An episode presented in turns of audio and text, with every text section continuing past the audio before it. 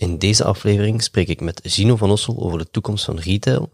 En daarbij komt natuurlijk ook Amazon ter sprake. Gino is professor retail en trade marketing aan Vlerik Business School. In deze aflevering zal je wel snel merken dat wanneer Gino over retail spreekt, hij eigenlijk ook bijna niet te stoppen is. Deze aflevering werd opgenomen op Vlerik Campus Brussel. Daar wordt op dit moment gewerkt en gebouwd en dat zal je misschien ook wel horen op de achtergrond. Dag Gino. Dag Sam. Gino, ik heb het u nog niet op voorhand verteld, um, maar je bent eigenlijk voor een heel groot deel de reden waarom ik deze podcast doe. Ja, ik heb, ik heb, jou, ik heb zelf op Vlerik Business School gestudeerd, dus ik heb een aantal lessen van jou gehad in, in de marketingrichting. En ik heb vorig jaar ben ik naar de Vlerik Winter Reunion geweest, waar dat alle Vlerik alumni terug samenkomen. En daar heb je een keynote gegeven. En tijdens die keynote dacht ik, oké, dit is wat ik echt mis. Uh, gesprekken over marketing, leuke voorbeelden, leuke cases. Dus ja, bedankt daarvoor. Ik voel mij vereerd dat ik dus de reden ben waarom je dat doet. Tegelijkertijd denk ik van, ja, als Vleerikschool zouden we dan iets meer onze eigen marketing moeten verzorgen, want je kan wat ik vertel ook komen beluisteren in onze eigen opleidingen en uh, congressen natuurlijk. Maar ja, dat is iets anders dan een podcast. Hè. Ik zei het al, je geeft lessen op Vlerik. Uh, je geeft ook heel veel keynotes, binnenland, buitenland. En daarnaast ben je ook schrijver van boeken over retail. En zo heb je vorig jaar pas een nieuw boek gelanceerd. En dat heeft intussen ook een award gewonnen, dus proficiat daarvoor. Mag ik vragen, wat, wat doet die award met u?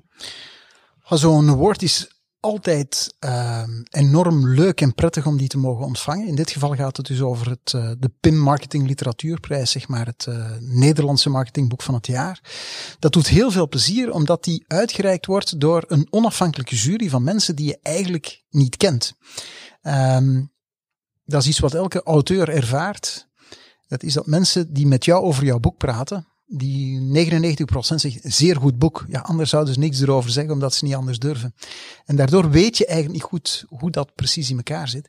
Maar wanneer zo'n onafhankelijk jury je daarmee bekroont, ja, dan is dat fantastisch. En ja, ik ben blij dat ik dat gewonnen heb. Daar kan ik inkomen. Um, als ik jou zie spreken, dan, dan denk ik van wauw, wat een passie voor retail. En retail is wel iets heel specifiek, dus dan vraag ik me altijd af, van waar komt die passie? Ik heb twee passies. Enfin, ik heb er meer, maar ik heb een passie om te spreken. Dus ik uh, zou misschien net zo goed, ja, weet ik veel wat, over voetbalconferences uh, kunnen gaan, gaan verzinnen. Dus ik sta graag voor een publiek. Um, uh, maar die tweede passie is inderdaad retail. En dat is een beetje toevallig gegaan, zoals dat vaker loopt in het leven. Uh, ik werkte op Vlerik rond service management. En um, er was een uh, onderzoekscentrum rond retail. Dat werd geleid door mijn toenmalige collega uh, professor Patrick van Kenhoven, die nu het decaan is van de faculteit Economie in Gent, die Vlerik heeft verlaten en enkel aan de Universiteit Gent zit. En die was bezig met retail, maar op een bepaald ogenblik heeft hij dan gevraagd, kan je ook mij wat daarin gaan assisteren? Hij heeft dan een uh, tijdelijk medisch moeten afhaken uh, en dan ben ik in zijn voetsporen getreden.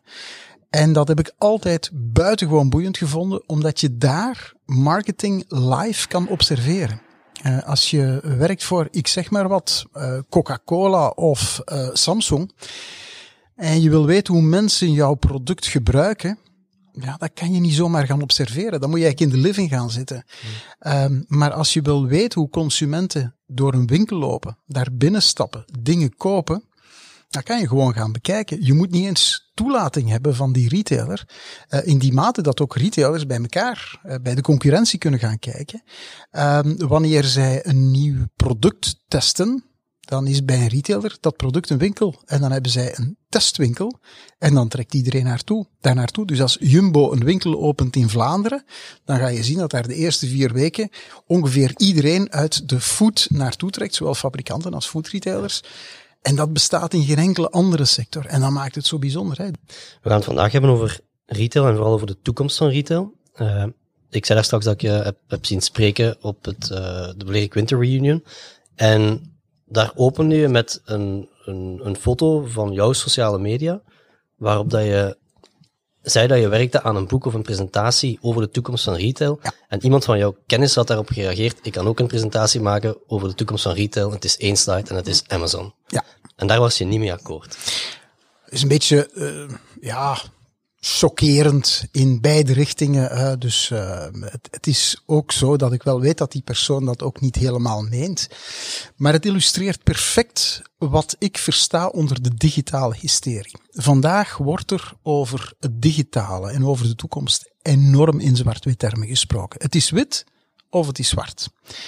Uh, je hebt één stroming die zegt, ja maar de fysieke winkel, dat heeft geen toekomst meer.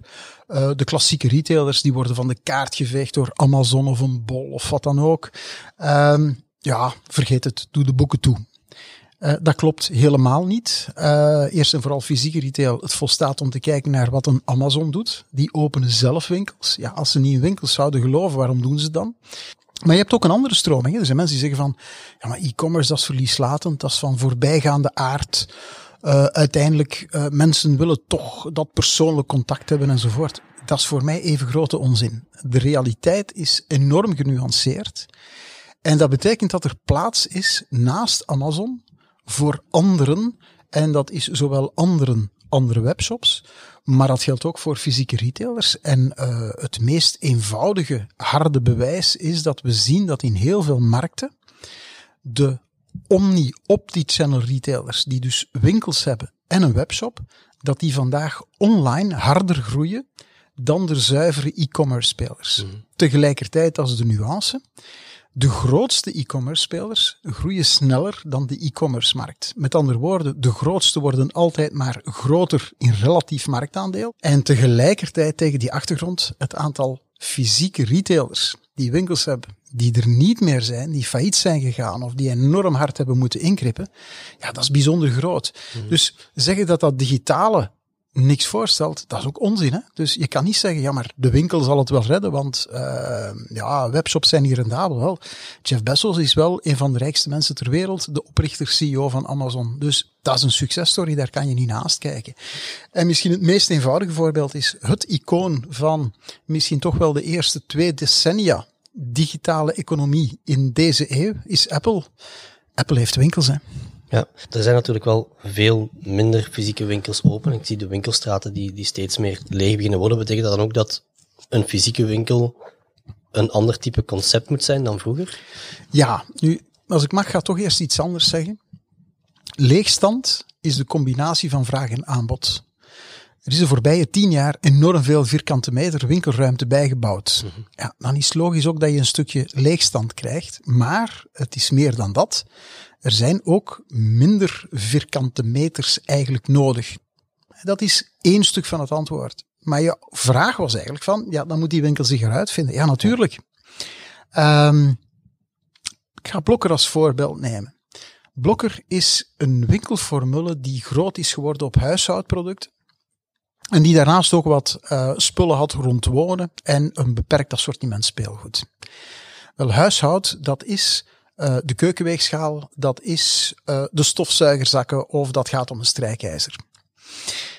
Vandaag kan ik die producten gewoon thuis laten komen. We zien dat geen enkele consument de behoefte voelt om die stofzuigerzakken te zien voor hij ze koopt. Want dat is op specificatie. Hè? Dat is uh, sneeuwkettingen kopen. Ja, wat is uw bandenmaat? Hè? Daar komt eigenlijk op neer. Dus dat koop je steeds meer online. Vroeger, wat was de bestaansreden van zo'n blok? Dat is dat zij overal winkels hadden. En ze hadden echt heel veel winkels. Hè. Dus op het hoogtepunt had Blokker in België ongeveer even winkels als er Colruyt-winkels zijn. Ondertussen is het aantal nog gestegen. Het aantal Blokkerwinkels is zwaar gedaald. En we weten dat over enkele maanden Blokker volledig zal verdwenen zijn in ons land. Ja, met dat soort functionele producten kan je het niet redden. Dus wat moeten winkels doen? Kijk naar de winkels zelf. Dan zien we dat steeds meer mensen in de winkel komen om te kijken en minder om te kopen dat werkt in de twee richtingen. Hè. Er zijn mensen die online zich oriënteren om het dan in de winkel te gaan kopen. Er zijn ook mensen die in de winkel komen kijken om het dan online te kopen. En online kopen kan zijn bij die winkel zelf, kan ook zijn bij een andere partij. Maar hoe het ook in elkaar zit, de omzet die verschuift naar online, die is weg uit die winkelomgeving. Je merkt vandaag zelfs dat op de toplocaties, in Vlaanderen is dat de Meijer in Antwerpen, dat daar de omzet per vierkante meter wat onder druk staat. En er is altijd allerlei verklaringen erbij komen. We weten van de mobiliteitsproblemen in Antwerpen. Ik ben er stellig van overtuigd als de knip in de leien daar voorbij is, dat er een stuk herleving gaat mhm. zijn.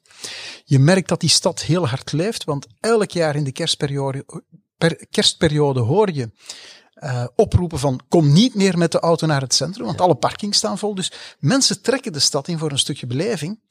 Maar als je voor de beleving gaat, dan ga je niet om te shoppen om veel te kopen. Want als je iets nodig hebt, dat doe je online. Dan maakt dat die omzet per vierkante meter onder druk staat. Dus die winkel krijgt een andere rol. Die winkel is een stuk een communicatiemedium aan het worden. Sommigen gaan daar heel ver in, zeggen de toekomst is het winkel, de winkel is een medium. Dus je moet dat zo behandelen. Dat is geen profitcenter, dat is een kostcenter. Dus je moet gaan kijken wat is de kost per contact. Maar als je op de Meijer in Antwerpen zit en je bent gewoon een, een, retailer, dan wil je daar toch ook wel voldoende omzet halen. En een beetje verlies maken, dat kan, maar het moet binnen de grenzen blijven. Dat is anders. Uh, op de Champs-Élysées heb je tientallen miljoenen unieke bezoekers die daar langskomen, die van over heel de wereld komen. Dus ik kan daar als luxemerk, automerk, weet ik veel wat, dat soort folietjes permitteren. Meer in Antwerpen heb je de mensen van de stad, een paar vanuit de parking in de buurt en nog wel Nederlanders die langskomen.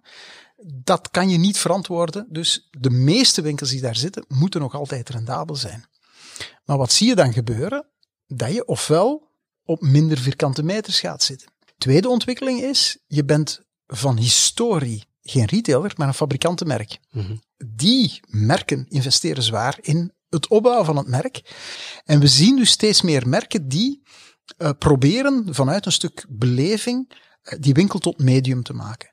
Alleen, we zien toch dat we graag hebben dat die winkels rendabel zijn. En naarmate je meer echt retailer bent, uh, blijft dat oude adagio, een goede winkel is een verkoopsmachine. Dat proberen we in stand te houden. Um, maar ik verwees daarnet naar Apple. Apple doet net dat. Nu, Apple is wel rendabel in zijn Apple stores. En uh, dat is een understatement. Hè? Dat zijn van de meest rendabele winkels ter wereld. Maar je ziet andere merken volgen dat verhaal. Samsung doet dat niet voor tv's, maar doet dat wel voor innovatieve technologie met de klemtoon dan toch op smartphones.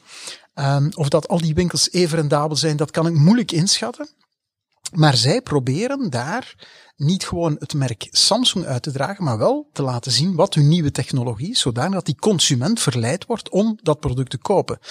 Samsung vindt het geweldig als je dat dan ter plekke in die winkel koopt, maar kan er ook best mee leven als je dat daarna uh, bij je operator, een Proximus, een Telenet of in een mediamarkt gaat kopen. Daar kunnen ze perfect mee leven. Maar ik kan niet in elke stad zo'n flagship store openen wel, stap vandaag bij Mediamarkt binnen en daar vind je een shop in de shop van Samsung. Vind je een shop in de shop van Apple, mhm. waar je dichter bij die consumenten komt. En uh, een kleine zelfstandige, hoe kan die zich nog redden dan in die periode? Um, ik ga toch een beetje reclame maken voor mijn boek. Hè. Wat is um, de fout die veel bedrijven hebben gemaakt? En dat is gekeken naar e-commerce en zeggen wij moeten dat ook doen. En toen hebben we met z'n allen geroepen, ja maar je moet online gaan verkopen. Wat hebben ze eigenlijk allemaal gedaan? Dat is het model van Amazon of een bol gewoon gekopieerd. Dat betekent dat je enorm veel bijkomende kosten genereert, want je moet nu een webshop opzetten enzovoort enzovoort. Wat heeft de markt te weinig op voorhand ingeschat? Dat de bruto marge onder druk zou komen. We wisten dat wel, maar dat werd in de businessplannen te weinig meegenomen. Waarom komt die onder druk? Dat is niet moeilijk. Je hebt online prijstransparantie. Waarom zou ik voor die Samsung TV meer betalen bij winkel X dan bij winkel Y of dan bij webshop Z? Het gevolg is dat wat je verdient per TV, dat dat onder druk is gekomen. Tweede inzicht is, je kan nooit een even goede webshop bouwen als Amazon, want die zijn veel groter, die hebben veel meer middelen. Dat betekent dat je het verschil ergens anders gaat moeten maken, dat je het anders gaat moeten doen. Wel, pas dat zelf nu toe op de zelfstandige winkelier. En nu ga ik echt helemaal naar de zelfstandige winkelier. Die runt een winkel en dat is meer dan een voltijdse job. En uh, dan moet hij zelf nog zijn administratie doen enzovoort. Ik denk dat je begrijpt wat ik bedoel. Mhm. Wanneer hij dus daar nu een webshop moet bijnemen, dan moet hij een tweede winkel beginnen. En heel vaak heeft hij daar geen kaas van gegeten. Want als ik een grote keten ben, dan kan ik nog digitale marketeers aantrekken. Kan ik mensen die ervaring hebben in e-commerce aantrekken. Maar ik ben een winkelier die dat uh, runt met de meewerkende partner. En misschien nog twee personeelsleden die in het weekend komen helpen. En dat is het. En dus de denkfout die ook daar is gemaakt is, er is heel hard geroepen, iedereen moet een webshop hebben. Als je geen webshop hebt, dan ga je het heel lastig krijgen. En iedereen is daarin meegegaan. Ik ga eerlijk zijn, ik heb dat ook een tijdje geloofd. Mhm. En dat werd dan omnichannel. De klant uh, heeft alle kanalen ter zijner beschikking en hij beslist wat hij wanneer en hoe uh, doet. Uh, dat is allemaal leuk, maar je verdient daar heel moeilijk geld mee. En dus vandaar dat het inzicht is gerijpt van je moet niet proberen Amazon, Zalando, Bol.com te verslaan op hun terrein. Dat gaat niet. Dat is onmogelijk. Je moet vertrekken vanuit je eigen sterkte, je eigen DNA. En daarbinnen keuzes maken zodanig dat je iets kan gaan doen wat onderscheidend is in de markt en relevant is in de markt. En dat zijn zo twee zinnetjes die uh, vroeger al bestonden in strategie en die digitale goeroes graag overboord gooien, maar die nog altijd even valabel en valide zijn vandaag als vroeger. Dat is zorg dat je de beste bent in iets wat relevant is voor een doelgroep. Niet iedereen, maar voor een bepaalde doelgroep. Punt nummer twee. Kies waarin je niet de beste wil zijn, waarin je gewoonweg het Olympisch minimum wil halen. Mm -hmm. En daar komt het eigenlijk op neer. En dus ik ga nu beginnen vanuit een hele grote, en dan ga ik voorbeeldjes geven van kleinere spelers.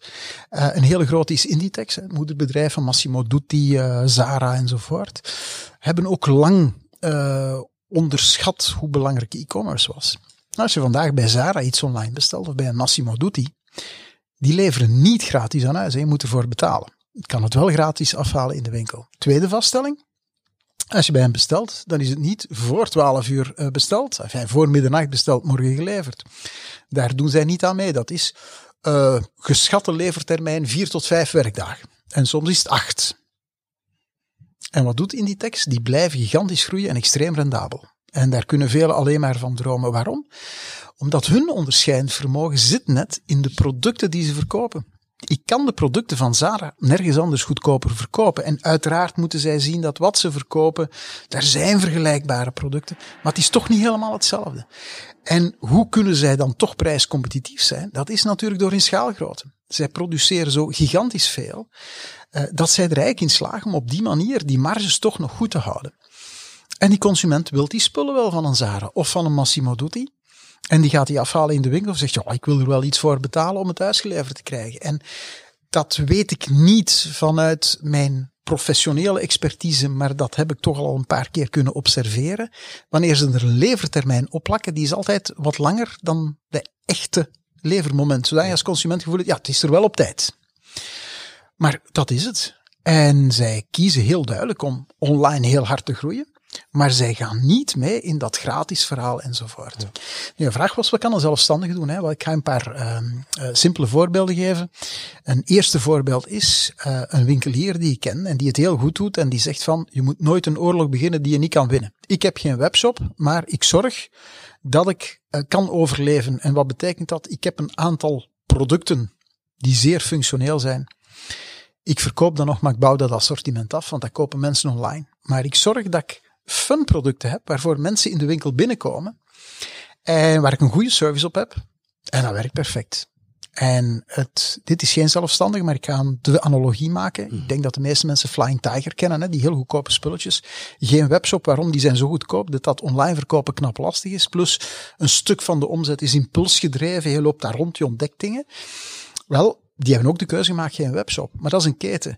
Als zelfstandige kan je dat niet in dat prijssegment doen. Dat is onmogelijk, maar als je wat duurder zit, dan kan dat perfect. En er zijn dus genoeg modeboutiques bijvoorbeeld die zeggen, wij hebben geen webshop, we doen er niet aan mee. En ik denk dat dat perfect plausibel is. Ik heb um, heel veel presentaties gegeven. Ik heb er ook een aantal gedaan in de wereld van uh, de lingerie en de betere lingeriezaken. En dan is de discussie, moet je een webshop hebben of niet? Er zijn er een aantal die die wel hebben en die daar heel goed garen bij spinnen. En die hebben daarin geïnvesteerd. En die waren bij de eerste om dat te doen. En die hebben hun cliënteel opgebouwd. Die hebben een, een bestand van e-mailadressen. En chapeau, goed gedaan. Er zijn anderen die gezegd hebben, ja, dat is mijn ding niet. Maar wat ik wel doe is, um, mensen kunnen bij mij wel bestellen, maar dat zijn dan nabestellingen. En dan, ofwel kunnen ze dat afhalen in de winkel, of wij sturen dat op, maar wij geen webshop. Ik vind dat een zeer valabel iets, want dat zijn winkels die in een bepaalde gemeente hun reputatie hebben, hun vast klantenpotentieel, en die maken het hun consument veel gemakkelijker. En dan ga ik door naar mijn derde voorbeeld. En dat is een van mijn favorieten, omdat ik die al jaren aanhaal. En die beginnen zich steeds meer ook materieel te bewijzen. Dat zijn bakkers. En dan is de vraag, moet je als bakker een webshop hebben? De echte warme bakker, zijn beste dag is welke dag van de week? De zondag. De zondag. En waarna herken je de echt goede bakker? Daar staan ze tot buiten aan te schuiven. En hoe werkt zo'n bakker? Dat is eigenlijk heel simpel. Die heeft het beste product. En dat beste product is niet te koop bij Amazon. Is ook niet te koop bij een andere bakker, want er kan een andere bakker zijn waar je op zondag niet moet aanschuiven. En toch gaan mensen daar niet naartoe. Waarom? Ja, die ene heeft goede croissants of pistolets. Je weet wat ik bedoel. Moet die nu een webshop hebben? Natuurlijk niet. Dat is nergens voor nodig. Maar wat als die nu zou zeggen van kijk, wij gaan bestellingen aanvaarden. Een aantal bakkers zeggen, ja maar dat doen we al jaren. Ja, en hoe doe je dat? Er zijn bakkers die zeggen, ja, dan moet je bij mij langskomen. En als je dan langskomt en je bestelling doorgeeft en onmiddellijk betaalt, ja, dan kunnen de dag nadien die komen afhalen, die liggen klaargepakt die gewoon mee. Andere bakkers die zeggen, ja, maar dat moet niet zijn. Je kan bij ons ook dat telefonisch doorgeven. Eigenlijk zeggen ze, als je wil voorsteken, dan moet je bellen. Want dan zijn aan het bedienen en telefoon gaat, ja, en de klanten die in de winkel staan moeten wachten. Wat als je daar nu een webshop zou van maken? En dan hoor ik een aantal bakkers zeggen, ja, maar ja, dan moeten we al die producten fotograferen enzovoort. Als je nu een aardbeientaartje nodig hebt en je bestelt dat, dan vraagt die een bakker, voor hoeveel mensen is dat? Oh, voor tien man. En moet er slagroom op? Nee, zonder slagroom. Je moet op die website geen foto zetten van een aardbeientaart voor 6, 10 of 12 man. Met en zonder slagroom. Nee, je toont één mooie foto van een aardbeientaart. En die consument heeft bij elk product een paar simpele filtervragen, invulvelden die jij moet invullen. Voor hoeveel personen met of zonder slagroom een opmerkingenveld. En die kan dat online betalen. Er zijn steeds meer bakkers die dit soort optie hebben ingevoerd en die vaststellen dat gewoon met afhalen, dat hun omzet inderdaad stijgt, dat de klantentevredenheid stijgt en dat hun kosten ook niet omhoog gaan.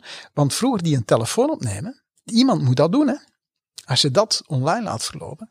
En ik rond hem af met uh, die, datzelfde voorbeeld, maar in een heel andere omgeving. Dat is in de wereld van de slagers. En er is een slager die om bepaalde reden beslist heeft om het aantal openingsdagen van zijn slagerij heel sterk te reduceren. Dus persoonlijke reden, zijn, uh, dat valt een beetje buiten de scope van dit gesprek. En die heeft dan de vraag gesteld, goh, kan ik dat opvangen met e-commerce? En die heeft twee oplossingen. Bepaalde dagen levert hij aan huis. Op andere dagen kan je het afhalen in een automaat. En um, het verschil tussen vlees en taarten. Vlees leveren is gemakkelijker. Je steekt dat in een zakje. Een taart dat moet mooi horizontaal blijven staan. Dus als je dat zelf gaat afhalen, moet je zelf zien dat je dat goed vasthoudt. Maar dat aan huis leveren is wat complexer. Dus vlees is eigenlijk makkelijk. Je, pakt dat in zoals je dat gewoon in de slagerij doet voor de consument en je steekt dat in een zakje. Wat zij hebben vastgesteld is dat door uh, het aantal openingsuren en dagen drastisch te verlagen, dat de omzet inderdaad wat gedaald is. Dus je hebt dat niet volledig kunnen compenseren met e-commerce. Maar wat hebben ze ook vastgesteld? Dat hun kosten gedaald zijn. Want je hebt altijd momenten dat je met te veel volk in de winkel staat. Je hebt altijd wat producterving, je krijgt het niet verkocht. Bij hen is het niet zo, vandaag uh, besteld, morgen geleverd. Nee, je moet je bestelling op tijd doorgeven. Wat stellen ze vast? Dat is dat ze dus met minder arbeidsuren nu een significante omzet kunnen draaien, zodanig dat aan het eind van de rit uw winstgevendheid weer dezelfde is gebleven. Ik zei daarnet, ik ga wat reclame maken voor mijn boek. Mhm. Eigenlijk is op die channel, wat ik promoot, is keuzes maken. En kijken wat is voor jou en voor jouw doelgroep een optimale kanaalmix. Voor jezelf om het rendabel te houden, voor je consument zodanig dat het voor hem of haar relevant is. Omnichannel is, ja maar nee, je moet alles voor iedereen beschikbaar maken. Dat is uh, quasi onbetaalbaar. En nu komt het slechte nieuws. Ik ben al begonnen met te zeggen, ja, veronderstel nu, je hebt een winkel, laten we maar zeggen, een modeboutique. Mm een extra webshop, dat is wel een heel gedoe. Ik ben geen bakker. Uh, dat betekent dat ik continu nieuwe foto's, foto's nodig heb. Ofwel gebruik ik die van de merken die ik verkoop, maar dan ja, wordt dat nog zichtbaarder dat dat iets is wat van ergens anders komt. Um, dus zo'n webshop is vrij duur. Ik heb het ook wat onderschat, dus ik ben, heb te lang gewacht. Met andere woorden, niemand vindt mij nu online. Ja, en ik heb een winkel die buiten het nieuwe kernwinkelgebied zit in een middelgrote stad met een vogel voor de kat en het is afgelopen. En dat geldt voor die zelfstandigen, maar dat geldt ook voor bijvoorbeeld Free Record Shop. Wat had Free Record Shop anders kunnen doen? Ik ga je eerlijk zeggen, niks. Het product dat je verkoopt digitaliseert en je probeert dat op te vangen. En dat begint met cd's, maar de volgende stap is dat de dvd-markt totaal aan het digitaliseren is. Um, en die wordt ook steeds meer streaming. Hè? En dan heb je gaming. En als je naar gaming kijkt, dan zie je dat die markt dus ook steeds meer in een streamingmodel komt. Dat is heel moeilijk om op te lossen. Zou kunnen zeggen, ja, maar ze hadden vooruitziend moeten zijn. Ze hadden iTunes moeten gaan spelen. Um, dat staat heel mooi uh, omschreven in het boek over uh, bol.com, uh, geschreven door de vroegere markt, marketingdirecteur van Bol. Zegt, ja, zij hadden dat probleem ook, net zoals Free Record Shop. En ze zijn gaan praten met de platenmaatschappij. En zeiden, ja, fantastisch idee, jullie kunnen een soort van iTunes maken. Maar de prijs die zij moesten betalen per liedje, was hoger dan wat hij als consument moest betalen bij iTunes. De platenmaatschappijen zijn daar de grote schuldigen geweest. En Free Record Shop heeft dat ook geprobeerd. Is ook gaan praten met die platenmaatschappijen. Want die waren toen nog actief in Scandinavië, Benelux. Zaten in heel veel landen. Die hadden geen kans op overleven. En dat is dus het verschil tussen digitale hysterie. De winkel wint, internet wint. Nee, in je eigen situatie moet je uh, de juiste analyse maken. Daar komt het eigenlijk op neer. Keuzes maken. Dus in dat geval ook uh, Game Mania de volgende vogel voor de kat? Want ook daar is de... Ik ben blij dat je dat vraagt. Ja. Uh, Game Mania is een bedrijf dat zeer sterk redeneert vanuit zijn DNA. En op twee dingen heel goed scoort. En uiteraard is altijd de vraag, hoe lang ga je dat uh, kunnen volhouden? Eén uh, punt zitten ze heel goed, maar is het verdienmodel lastiger? Zij mikken heel hard op het community idee. Mensen die heel veel gamen, ja, die willen ook met elkaar in contact treden. Nu, ze hebben daar getest met een, uh, een flagship store in de Kammenstraat in eh, Antwerpen, uh, waar het meer een hangout was rond games enzovoort. Het probleem daar was, hoe krijg je dat rendabel? Hè? Dat, dat is een beetje lastig. Maar vanuit dat community gevoel ga je wel hebben dat klanten zeggen, hè, wat Unizo noemt winkelhieren, besef dat als je alles online koopt, dat die winkel gaat verdwijnen. Een heel sterke campagne trouwens. Uh, doet Gamania hetzelfde. Koop het bij ons. Uh, je gaat niet meer betalen, maar dan hou je ons in stand en wij kunnen de community in stand houden. En die community, geloof ik heel sterk dat die het kan overleven als je daar een rendabel verdienmodel tegenover kan plaatsen. Want die community is gratis natuurlijk. Dat is, dat is het probleem. Het tweede waar ze heel sterk in scoren natuurlijk is de tweedehandsmarkt. En die tweedehandsmarkt, die houdt hen vandaag heel sterk overeind. Dat is de uitdaging. Als het helemaal streaming wordt, ja, is er ook geen tweedehandsmarkt meer. Um, dus ja, het is, het, het is een moeilijke, maar zij doen tenminste wat ze moeten doen, namelijk nadenken, wat is onze sterkte, wat is ons DNA, hoe kunnen we daarmee om? En dus uh, het feit dat ze vandaag nog altijd actief zijn, is toch wel straf. Ze hebben het niet onder de markt, hè, maar ik vind dat echt knap wat ze doen. Die doen exact wat ze moeten doen. Dat is niet bol achterna hollen of Amazon. Namelijk spelletjes in een webshop steken en je kan ze uh, zo goedkoop mogelijk gaan kopen en vandaag voor middernacht besteld, morgen thuisgeleverd. Bij Bol weten ze ook dat die markt ophoudt te bestaan, want als het streaming is, koop je het niet meer bij hen.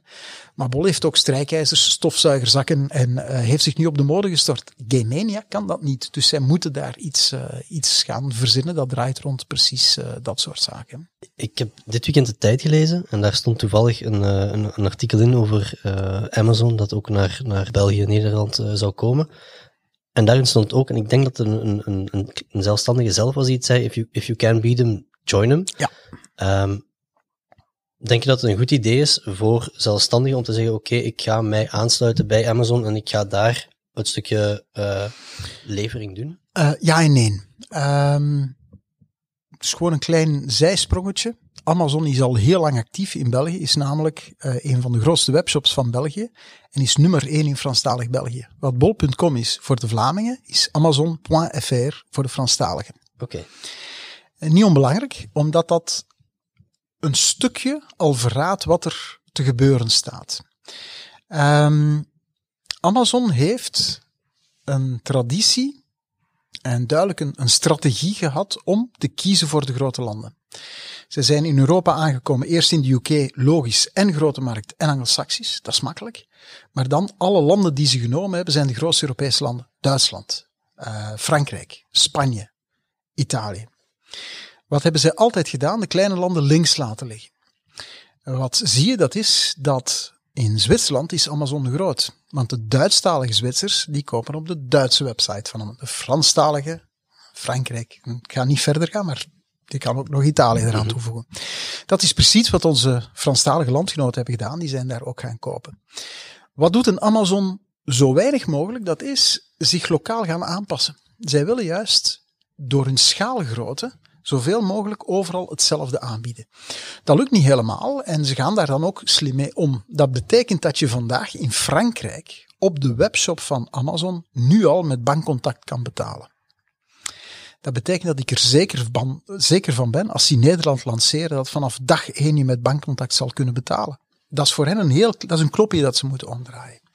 Ten tweede, wat gaan zij ook doen? Zij halen ondertussen eh, in, in de Verenigde Staten meer dan 50% van hun omzet uit hun marktplaats. Uh, voor mensen die daar niet mee vertrouwd zouden zijn, je kan verkopen aan Amazon of via Amazon. Aan Amazon, dan speelt Amazon retailer. Zij kopen goederen aan, dragen het voorraadrisico, zetten de consumentenprijs en leveren uh, het product. Via, dat is zoals een verzekeringsmakelaar ik verkoop via Amazon en Amazon neemt een commissie. En als de klant het terugstuurt, dat is het probleem niet van Amazon. Die kost is namelijk voor degene die het verkocht heeft. Uiteraard verliezen ze dan een commissie, maar ze hebben ook geen kosten gehad. Dat is een nul risicoactiviteit. Dat is al meer dan de helft van de omzet. Wat zie je dat een Amazon wel probeert, dat is lokale partijen aan te moedigen om te verkopen op die marktplaats. Um, en dus spreken ze ook met zelfstandige ondernemers. Vandaag ligt de focus nog heel sterk op Nederland. Uh, moet je daar nu als ondernemer op ingaan? Je moet dat doen vanuit een juist en correct verwachtingspatroon. En je zei het zelf al, if you can't beat them, join them. Uh, er zijn een aantal elementen die daarin gaan meespelen. Punt nummer één, als je doet, dan zou ik er heel snel mee beginnen. Want op Amazon is het aanbod zo groot dat je als consument nooit alles te zien krijgt. En vandaag zoeken heel veel mensen, wanneer ze iets willen kopen, niet meer via Google, maar via een webshop. Dat kan een bol zijn, dat kan een collie shop zijn, maar dat zal dus in de toekomst ook een Amazon zijn. Of een Zalando, overigens. Wat doet Amazon? Die speelt exact hetzelfde spel als Google. Dat betekent dat je de organische zoekresultaten hebt, die staan bovenaan. En daarboven heb je nog de advertenties. En daar verdienen ze veel geld mee. Overigens, eh, in de Verenigde Staten zijn ze nu al het tweede grootste medium in search advertising. Ik zeg wel search, omdat Facebook is veel groter als medium, maar Facebook heeft geen search. Hè? Dus dat moet je wel in het achterhoofd houden. Het gaat daarom. Google is nummer één. Nummer twee is Amazon in search. Dat, dat zegt iets waar het over gaat.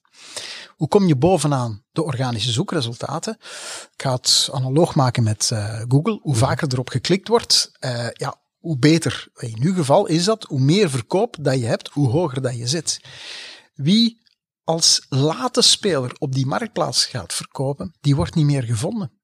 Dat betekent dat je heel zwaar gaat moeten investeren in reclame maken op Amazon om bovenaan te komen. Tweede punt. Wanneer kom je ook bovenaan Google resultaten? Dat is wanneer jij relevante content hebt. Dan ga ik dat anders formuleren. Unieke content die beter is dan de rest. Dat wil dus zeggen, als ik Philips strijkijzers verkoop, en ik ga dat doen via de marktplaats van Amazon, ik wens u veel succes. Want je gaat daar wellicht naast 33 andere verkopers staan van datzelfde Philips strijkijzer. Zelfs al zou je van boven staan, de enige reden waarom je van boven zal staan, is omdat je meer verkoopt. En waarom verkoop je meer? Ah, omdat je goedkoper bent dan de rest natuurlijk. Ja, hoe kun je daar nog geld mee verdienen? Mhm.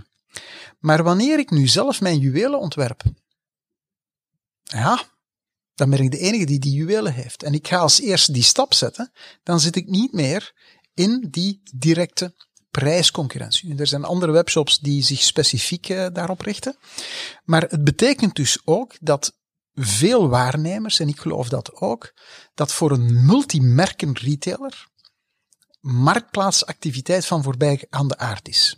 In eenvoudig Nederlands, wat is een multimerken retailer? Dat is een retailer die verschillende merkproducten verkoopt die hij van verschillende leveranciers verkoopt. Dat geldt voor supermarkten, die Kellogg's, Tampax en uh, weet ik veel Coca-Cola verkopen.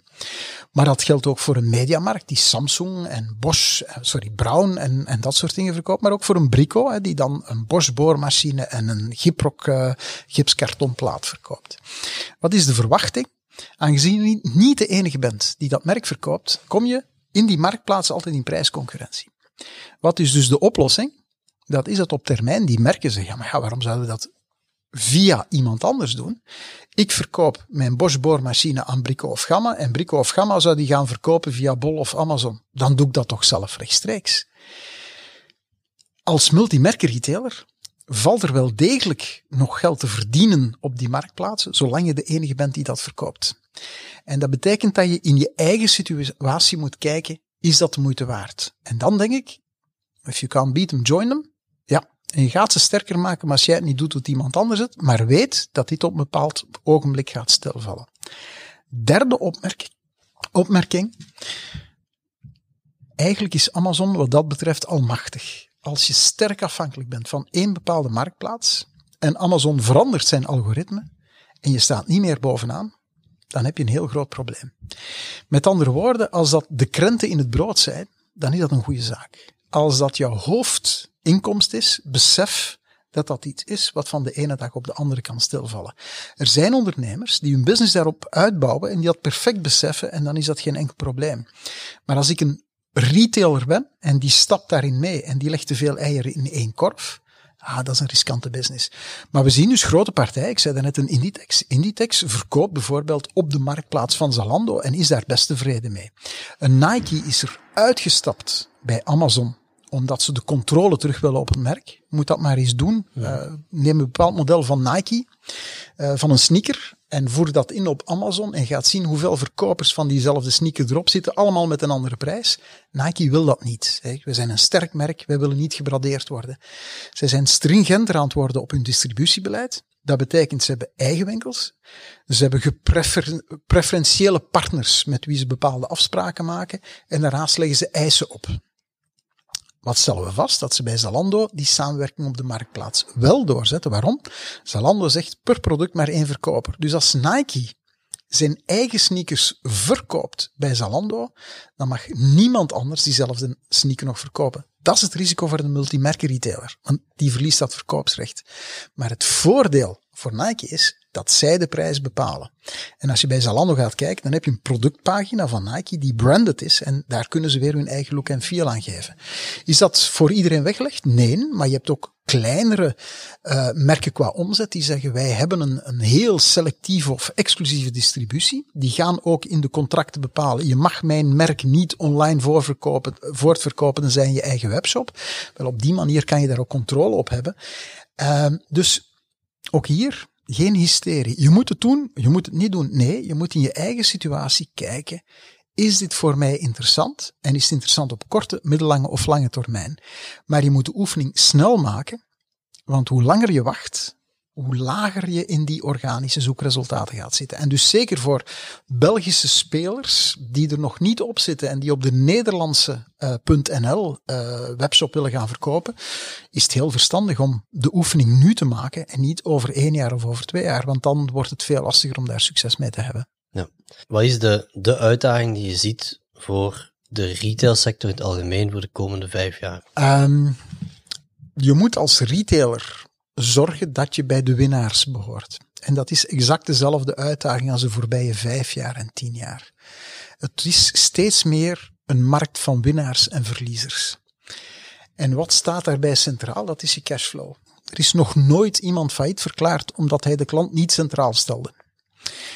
Um, wie alleen focust op cashflow natuurlijk, die gaat het niet redden. Je moet ook focussen op die klant, begrijp me niet verkeerd. Maar cashflow is daar heel belangrijk in. En dat betekent dus dat je moet zorgen dat je keuzes maakt die je toelaten om cashflow positief te zijn. Dat betekent, tenzij je diepe zakken hebt, en bepaalde partijen hebben dat, uh, moet je vooral gaan voor investeringen met een korte payback tijd. Moet je uh, proactief gaan besparen, niet reactief. Dat wil zeggen, ik zeg bepaalde huurcontracten van winkels op voor ze vervallen, ook al is die winkel nog rendabel.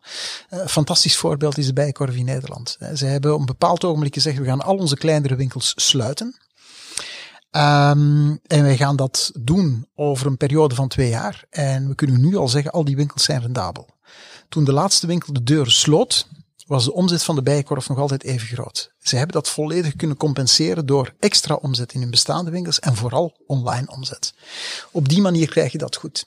De komende vijf jaar gaan we meer van hetzelfde krijgen, maar de uitdaging wordt nog groter. Omdat de verschuiving naar e-commerce, die zet zich steeds verder door. Uh, de shakeout in de winkelstraten, daar hebben we het einde nog niet uh, van gezien. En dus je gaat steeds meer moeten zorgen dat je een goed evenwicht krijgt in je kanalenmix. En dat betekent dat het uh, onvermijdelijk is dat we ook de komende vijf jaar nog heel veel faillissementen gaan meemaken. Dat er nog heel veel herstructureringen gaan komen. Uh, maar dat er tegelijkertijd nog altijd bedrijven gaan zijn die tot de winnaars behoren en die op die manier heel succesvol zijn. Naast dit soort heel algemene uitspraken uh, zie je gewoon een aantal uh, trends naar voren komen. Hè. Dat is de polarisering in de markt. Uh, het middensegment staat onder druk. Dus de Actions en Primarks van deze wereld, die groeien lustig door zonder webshop overigens. Dus die, die blijven dat voorlopig goed doen. Maar uh, de bomen groeien ook niet tot in de hemel. Dat is een eerste. Een tweede is alle nieuwe digitale trends die op ons afkomen. Het segment of one. We gaan een gepersonaliseerde uh, webshop krijgen. We gaan gepersonaliseerd benaderd worden. Heel sterk gedreven door artificiële intelligentie. Wel, dat voor, zorgt weer voor extra want dat zijn zware investeringen. En um, wat je dus merkt is dat uh, bedrijven de keuze gaan moeten maken van waar stel ik mijn prioriteiten, zowel welke richting ga ik uitgaan, maar ook wat ga ik zelf doen en wat ga ik uitbesteden. Je zou kunnen zeggen, artificiële intelligentie, god, dat is belangrijk, maar wij gaan daar geen fast mover zijn. Amazon kan daar zoveel sneller in schakelen. We gaan wachten tot er betaalbare uh, softwareoplossingen zijn, uh, al dan niet in de cloud, waar we dan gewoon ons wagonnetje kunnen aan aanhaken. Wij gaan nooit de beste zijn in artificiële intelligentie, maar we willen wel mee zijn. Dus het screenen van technologie in de markt uh, binnen de, de, de context die ik daarnet omschreven heb, is heel belangrijk. Wat is voor mij prioritair? En voor die bakker denk ik dat die artificiële intelligentie niet zo belangrijk is, maar wel een heel efficiënt betaalsysteem. Um, ik ga een voorbeeldje geven van een retailer die daar heel hard mee bezig is en die misschien in iets andere sfeer zit, maar die dat voor mij heel mooi doet. Ik kijk naar Q8. Um, dat begint met het uh, tanken bij Q8. Um, ja, sinds uh, vandaag kan je daar nu gewoon vanuit de app betalen. Je komt aan aan het benzinestation en je geeft, uh, je opent de app en je zegt ik wil tanken en welke pomp en welke benzine. En je tankt en je rijdt voort en je hebt loyaltypunten gespaard en je hebt tegelijkertijd ook afgerekend. Dat is nu eens echt poepsimpel. Zie? En dat is wat die klant zoekt. En aan die pomp hangt ook een winkel en daar wordt ingezet op toegevoegde waarde. Want daar ga je inspelen op de trend van de nieuwe mobiele klant. En dan zie je de winkels, los van de benzine, dat die al jaar na jaar heel goed groeien, omdat je daar het juiste assortiment in zet. En tegelijkertijd, ja, zitten zij vandaag helemaal niet in het Deliveroo of het Uber Eats gebeuren. Misschien komt dat morgen, maar vandaag is dat niet hun prioriteit. Want zij zeggen, mensen die on the go zijn, moeten bij ons snel binnen en buiten kunnen en daar iets kunnen meenemen. Dat maakt dat je de juiste keuze hebt gemaakt. Je maakt het eenvoudig om bepaalde dingen te doen. En uw nieuwste winkel hebben ze nu zelf kassas geïnstalleerd. Uh, dat is toch, ja, je weet dat een risico op diefstal bestaat. Maar door dat te doen bied je de kans aan de mensen die snel willen afrekenen om dat te doen, maar tegelijkertijd is een plek waar je even kan chillen en een uh, lekkere espresso kan gaan drinken. Dus je voelt dat er allerlei mogelijkheden liggen. En dus in die zin blijft de oplossing voor de retailer van morgen ook die van gisteren. Vertrek vanuit je eigen DNA. Beslis waarin dat je de beste wil zijn. Op punten waar het relevant is voor een bepaalde doelgroep. Maar kies ook waarin dat je gewoon gaat volgen. En zeker niet de beste gaat zijn. We hebben het daar juist gehad over uw, uh, over uw boek, nieuw boek dat je, dat je hebt uitgebracht. Wie moet uw boek lezen en waarom? Um, iedereen die er zin in heeft. Uh, misschien een, gek antwoord, maar wat ik zelf heel belangrijk vind, is als je een boek schrijft dat het vlot leest en dat heel toegankelijk is. En uh, ik ken heel veel mensen die helemaal niet in de sector zitten, die er niks mee te maken hebben. En die uh, dat lezen en zeggen, oh, dat lijkt tof. En nu begrijp ik beter wat er uh, gebeurt. Daarnaast richt het zich heel specifiek tot een drietal uh, specifieke doelgroepen. En dat is voor mij dan professioneel het belangrijkste. Dat, dat de gewone geïnteresseerde leek het leest. Dat is leuk voor de ijdelheid, maar puur professioneel. Het richt zich tot de retailers die daar een heel praktisch kader vinden waarmee ze hun uh, strategie kunnen gaan uh, ontwikkelen. Dat zijn de merkartikelfabrikanten die zelf steeds meer retailer worden en voor wie de go-to-market strategy heel belangrijk is. Uh, de kanaalmix en net hetzelfde, zij vinden daar een handig denkkader en stappenplan in. En ten derde, waar ik vroeger meer zuiver op retail zat, en ik zeg het al, die, die merken worden nu ook retailers, wordt dit ook steeds relevanter voor allerlei dienstverlenende bedrijven. Ehm, dat kan gaan van een bank tot een parkeergarage of een uh, automerk. Uh, al dat soort dingen vindt zich uh, daarin terug. Dus eigenlijk zou ik zeggen voor de professional, maar ook voor de geïnteresseerde leek. Laatste vraag. Wie moet er volgens jou nog als gast verschijnen in mijn podcast en waarom? Um, ja, een man die altijd heel veel interessante dingen te vertellen heeft, is een Stefan Bellegem. Dus die zou ik sowieso eens naar voren schuiven als je die nog niet zou gehad hebben. Uh, maar iemand die ik zeker ook zou aanraden, dat is de oude rot in het vak, Harry de Meij. Die nog altijd actief is in de reclamewereld, maar dat tegelijkertijd mee aan zijn mensen overlaat.